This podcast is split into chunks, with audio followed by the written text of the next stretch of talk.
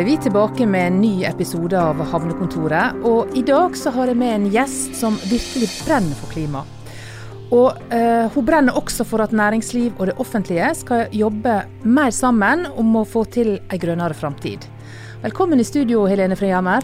Tusen takk, veldig kjekt å være her. Veldig kjekt at du kunne komme. Du, um, du, er vel det en kan kalle en skikkelig klimanerd. Er, er du enig i denne påstanden? Jeg er iallfall en, en skikkelig grønn pådriver. Eh, så jeg, jeg, føler jo at jeg forsker er jeg jo ikke, men, eh, men, vi har god kontakt med, med forskningsmiljøene her i, i Bergen, og, og, bruker mye ut av den kunnskapen de besitter. Du leder altså Klimapartner Vestland, og så jobber du for å få mange mange virksomheter til også å bli en klimapartner. Hvem er dere? Du, vi er, altså jeg har vært så heldig nå at jeg har fått lov til å lede dette her initiativet i bortimot eh, sju år, er det vel. Um, og det vi tar mål av oss for å være, det er Norges viktigste partnerskap for grønn næringsutvikling. Og det vi gjør er å jobbe over to sånne lester. Den ene er å hjelpe partnerne våre med utslippsreduksjon. Og den andre er å prøve å ta en posisjon i på en måte det grønne skiftet og grønn næringsutvikling. Og da jobber vi gjennom ulike forpliktelser som ligger i bunnen, så det er viktig at vi ikke blir en prateklubb, men en handlingsklubb. Eh, og så hjelper vi da virksomhetene òg å formidle disse her beste praksiseksemplene. Så vi er både en akselerator og en kommunikator, skulle jeg nær sagt, av gode grønne løsninger. Ja, Du sier at dere vil være en, eh, en handlingsorganisasjon og ikke en prateklubb. Um, hva gjør dere for å, for å være det? Det som er veldig kjekt, er jo at vi, vi, jobber jo mye med å måle utslippene. Så vi mener at det, ligger, det er viktig at det ligger i bunn. En uh, viss styring på hvor utslippene kommer fra, gir en både en god oversikt, men det gir en òg en, en uh, mulighet for å drive innovasjon. Så det er det kanskje det viktigste redskapet som, som ligger i bunnen, da. Eh, samt at vi kan være med og sparre med våre partnere og hjelpe dem til å finne områder å ta posisjon på, og eh, blinke ut områder en bør jobbe mer med. Dette er noe som engasjerer deg veldig, det hører jeg. Og hvor har du ditt engasjement ifra? Nei, altså det går nok egentlig helt tilbake igjen til, til barnebeina av, skulle jeg nær sagt. Eh, som sikkert mange andre i, i min, uh, min, aldersgruppe, så kan jeg Blekkulf-sangen enda. Den har satt seg fast. Eh, så, så, det at jeg har nok vært opptatt av miljø og for så vidt klima òg siden jeg var liten, men dette her med bærekraft har òg vært et engasjement fra, fra, jeg var liten i ulike former. Alt fra fattigdomsbekjempelse, likestilling, egentlig alle elementene som vi nå putter inn i bærekraftsmålene. Da. Eh, men det er i de seinere årene at det med med klima virkelig har krystallisert seg som det området jeg ønsker å jobbe med. Og det henger nok òg tett sammen med at jeg ble mamma for snart tolv år siden. Um, og, da, og da blinka dette her seg ut som et område som var ekstremt viktig å jobbe med, og noe som Norge kanskje ikke var så god på ennå. Ja, hvorfor ble du så, så, opptatt av det akkurat når du ble mor? Um, jeg tror det handler noe om dette med generasjonsperspektivet, og at du ser hvor viktig det er at det er ikke så langt fram i tid som en skulle tro. Dette kommer til å treffe oss på slutten av vår levealder. Uh, det treffer jo for så vidt allerede, men, men, vi kommer nok til å merke det mer når vi, når vi blir eldre. Men det er spesielt barna våre og de kommende generasjonene som, som virkelig blir truffet, hvis vi ikke greier å gjøre noe nå. Du, du starta jo opp eh, dette arbeidet for en del år siden. Um, og da var det jo kun eh, eh, engasjement her eh, i bergensområdet. Og nå har dette spredd seg til, til hele landet. Fortell litt om, om, hvordan dette her eh, har på en måte spredd seg som ild i tørt gress, for det er jo faktisk det det har gjort. Det, er, det har vært en fantastisk reise, det må jeg si. Um, på mange måter så kopierte vi da en metodikk fra Agder. Dette er egentlig en baby fra Agder som ble utvikla i 2008-2009. Og så var det en godt bevart hemmelighet fram til Norsk Klimastiftelse fikk i oppdrag fra den gang Hordaland fylkeskommune å finne et verktøy som fylket kunne bruke inn mot næringslivet. For en så at 70% av utslippene fra klimagass, eller klimagassutslipp i fylket kom fra næringslivet, og da måtte en ha et godt verktøy. Så Norsk Klimastiftelse fikk i oppdrag å finne det beste, og da landa en rett og slett på, på, klimapartnere. Og der var det jeg kom, kom inn i bildet. Eh, så fikk vi det opp å stå her, og ganske raskt fikk vi tilbakemelding om at dette her er så effektivt at det må jo andre få kjennskap til. Og da får jo jeg òg blod på tann, da. Så, så, i samarbeid med bl.a. Agder, så har dette her nå eh, Ja, vi har rett og slett fortalt om det, fått vise gode resultat, og da har fylkene hevet seg på. Og nå siste par ut så fikk vi òg med oss eh, Møre og Romsdal, så nå er vi i samtlige fylker i hele landet. Så dette her er et kjempeviktig verktøy for, for mange av fylkene. Ja, hvor mange medlemmer har dere nå? Nei, Det var veldig kjekt. Rett før sommeren så passerte vi 200 partnere. Og det høres jo kanskje ikke så voldsomt mange ut sånn sett, men det er det egentlig. Fordi hvis 200 virksomheter i Norge jobber systematisk og godt med dette her, og virkelig setter seg i ledersetet, så er det et trekk. Trekkpartiet på en måte for mange andre i sine regioner for å få dette til. Så for oss er det viktig å ha disse spydspissvirksomhetene med oss, som er med å piske opp stemning og sikre farten på omstilling. Og hvordan, hvordan, får det bedrifter til å, å, bli med? Hva er det som tenner, tenner bedriftene? Nei, det er litt artig. For, for, sju år siden så var det jo ofte at vi måtte inn i mye dialog og snakke om hva vi holdt på med. Eh, nå har det snutt litt, da. Så nå er det jo stort sett virksomhetene som kommer til oss. Eh, så, så, det er jo veldig kjekt. En ser at en må gjøre noe. En leter etter verktøy, og så har en hørt rykte om at det er mange som syns det er kjekt å, å jobbe i disse partnerskapene. Så så det har på en måte gått fra at vi har vært ute der og fortalt mye, til at eh, de fleste faktisk kommer til oss. Så det er veldig kjekt.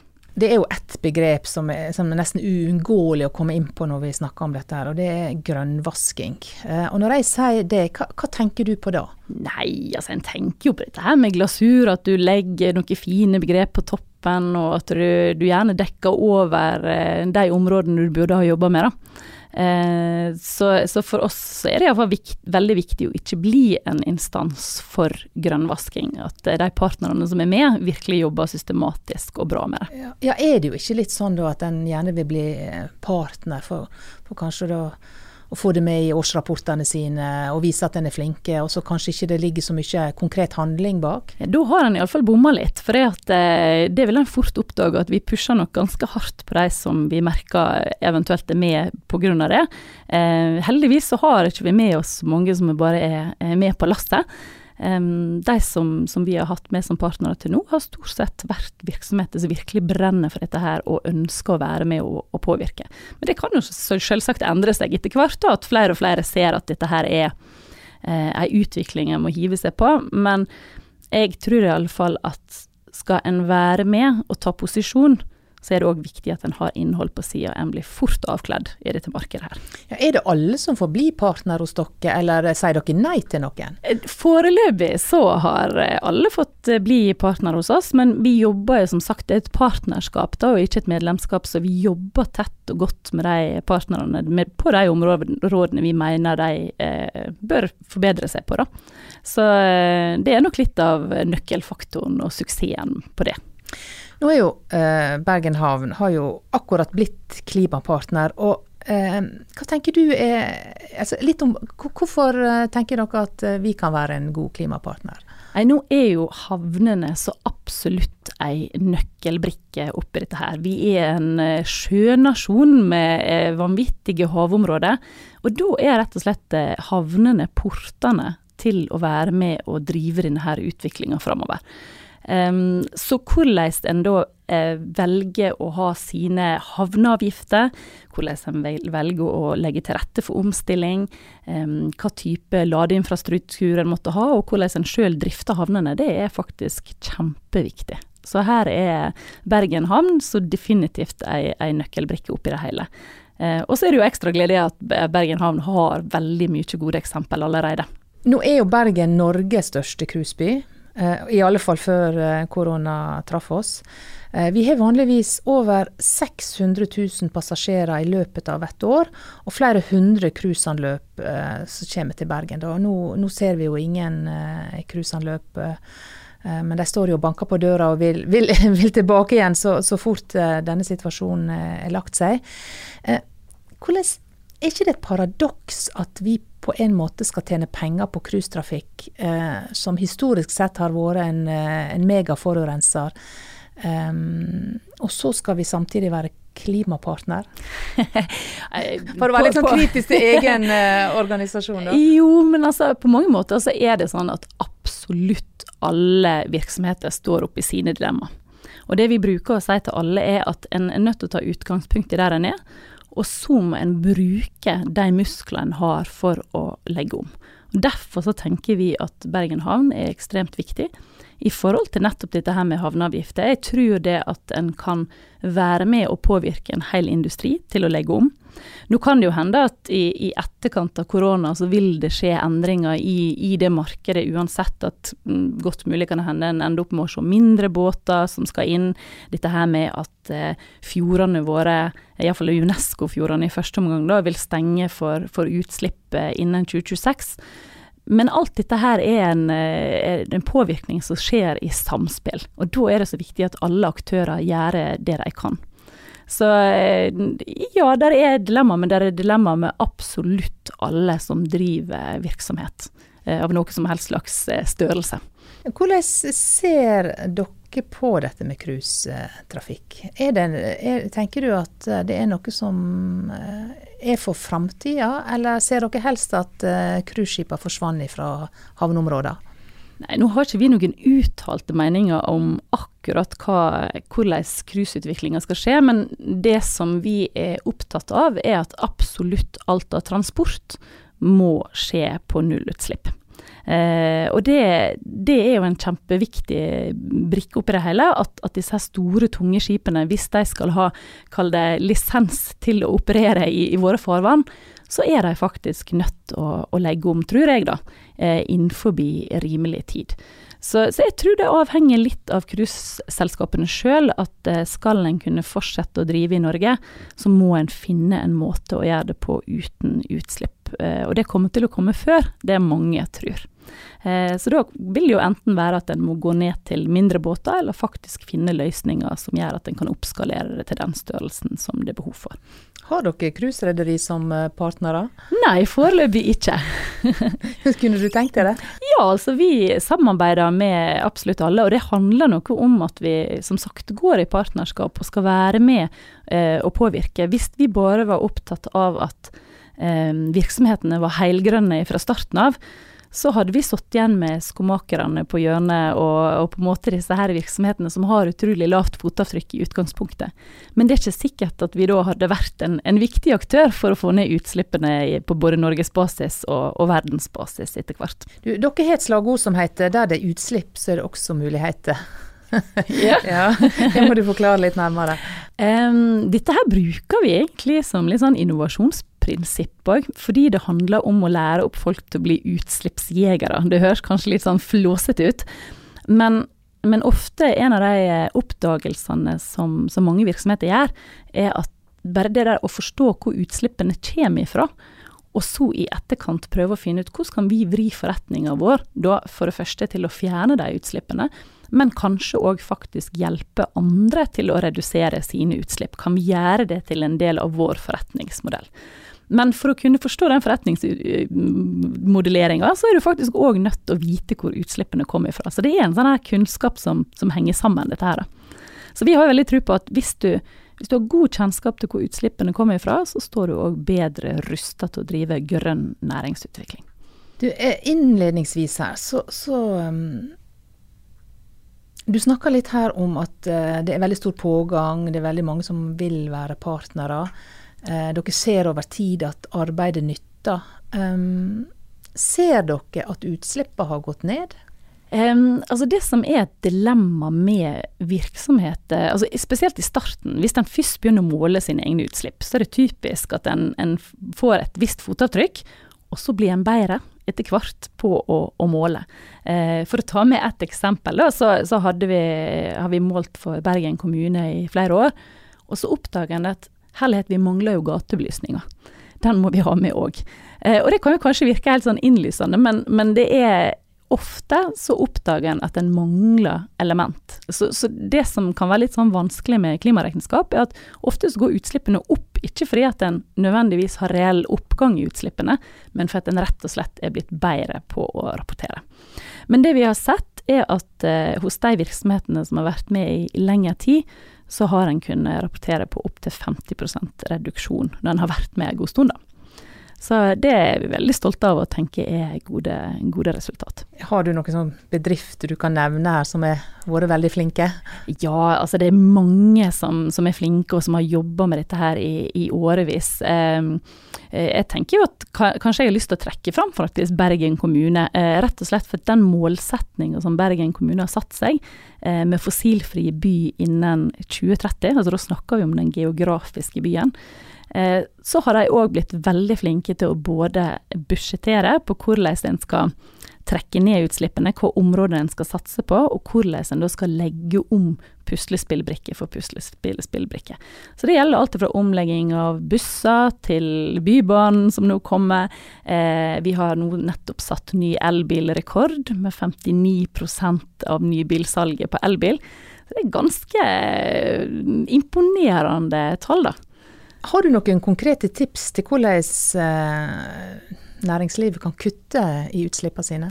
Ja. Um, det første jeg ville begynt med, er å få oversikt, som sagt, over egne utslipp. Det høres litt kjedelig ut, og det er kanskje litt omstendelig, men Hvordan klarer en å få den oversikten? Ja, altså da etablerer en rett og slett et klimaregnskap. Uh, da får en uh, lite grann hjelp til å forstå hva er et klimaregnskap, hvor henter en tallene hen, og så samstiller en det, og så, og så har en litt sånn respekt for at en, en begynner gjerne i en ende, og så blir en bedre etter hvert. Det er sånn viktig å ikke miste motet i starten. Så når han har etablert den oversikten, så er det lettere å identifisere hvor er det lurt å sette inn støtet. For de aller fleste virksomheter så handler dette her om Mye handler om å legge om transport og bruke denne grønne innkjøpsmuskelen.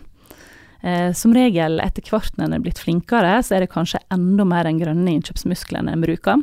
Vrir markedet til og virkelig etterspør grønne produkter og tjenester. Og så til slutt så er det dette her med å tenke virkelig sånn strategisk inn i forretningsmodelleringen. Hvordan kan vi som helhetlig virksomhet ta en posisjon? Jeg blir jo litt nysgjerrig da på hvordan du lever ditt eget liv. Å oh, nei, nei da. Jeg så jo bl.a. at du hadde vært på ferie i sommer med elbilen din, ja. og det var ikke bare bare? Ja, nå, nå var nå de litt sånn eh, dristige på disse overskriftene. Jeg hadde vel mest sagt at det var tendenser til småkaos på lading eh, rundt eh, Lom bakeri, og det er jo kanskje ikke så rart, vi er jo veldig glad i Lom. Men nei, det som jeg har vært opptatt av, er at eh, vi har for så vidt vært på flere omganger med elbilferie. Eh, første gang til Danmark i 2014. Det var en interessant opplevelse. Eh, men i år så var det jo mye lettere. Vi har en Nissan Leaf, så vi har jo da en, en bil med 250 km rekkevidde. Um, men det jeg ser, er at det er mye som kan tilrettelegges nesten på disse her litt softe verdiene rundt det med lading. Altså er det her tilrettelagt sånn at du ikke blir regna på når det lader? Eh, er det god belysning? Er det god informasjon? Er det lett å finne disse her laderne? Er de kobla opp til appene, sånn at du veit hva for noen som er ødelagte? Så det er litt å gå på fremdeles på å eh, fikse denne brukervennligheten, da. Og jeg bruker litt spøkefullt å si at når, jeg, når mor mi eh, på over 70 år eh, tenker at dette her er lett, da er brukervennligheten god. Og vi er nok ikke helt der ennå. Nei, du, du, kjører som sagt eh, elbil. Hva, hva ellers gjør du i, i, eh, i, ditt eget liv da, for å på en måte være et godt eksempel ja, for alle de bedriftene du ønsker skal bli partnere? Ja, det er noen ting vi er bedre på, og noen ting vi er dårligere på. Vi, vi har jo som sagt eh, elbil hjemme, og så har vi hatt en hydrogenbil, den første på Vestlandet. Nå er den for så vidt sendt tilbake igjen til Østlandet da, i påvente av ny hydrogenstasjon. Um, og så har vi òg en, en, for å kjøpe en bil nummer to, så har vi òg en elmotorsykkel på tunet som jeg, som jeg holder på skal ta lappen på nå, da. Og så har vi solceller på taket, og, og prøver da å, å, bruke en del grep for energisparing òg i, i, egne bygg og etterisolering. Men det jeg ikke er så god på, som jeg har prøvd meg på mange ganger, er, det er jo dette her med å dyrke egne grønnsaker og, og kompostering med, med, vekslende hell, og det vet jeg at mange er mye, mye flinkere enn en meg på. Så der, jeg skulle ønske at jeg var flinkere, og jeg prøver så godt jeg kan. Men jeg blir godt inspirert av f.eks. sånne initiativ som Spis opp maten. Og det har vi virkelig jobba mye med, med ungene på, at vi ikke skal kaste spisbar mat. Så det er kanskje der vi, vi har satt inn støtet på den Mm. matbiten. Det er jo sånn da, sant, at eh, i, eh, i, små, eh, i husholdningene da, sant, så må en eh, prøve seg litt fram og, og prøve og feile, kanskje. Og det, det gjelder vel også bedriftene. Det ikke, det, en har vel ikke alle svarene og alle løsningene på plass med en gang. Nei, og det tenker jeg er viktig å være klar over òg, at vi, vi er nok Vi har nok forskjellige styrker og svakheter alle sammen, på samme måte som vi som familie har det òg. Så, så eh, tror jeg det er viktig å tenke at en ikke må være perfekt. Det er viktig å begynne og komme i gang, eh, og at alle kan ta en rolle i dette her. Og så, og så får en heller jobbe med de sidene der en er litt svakere eh, etter hvert. Da tror jeg at jeg må si tusen takk til deg, Helene Frihammer. Det var veldig kjekt at du eh, kom i studio. Jeg håper at du eh, har gitt eh, enda flere inspirasjon til å bli en klimapartner. Tusen takk, og så må jeg òg bare takke så veldig for at Bergen Havn nå er blitt klimapartner, og vi gleder oss grådig til å jobbe videre og tett med, med dere framover.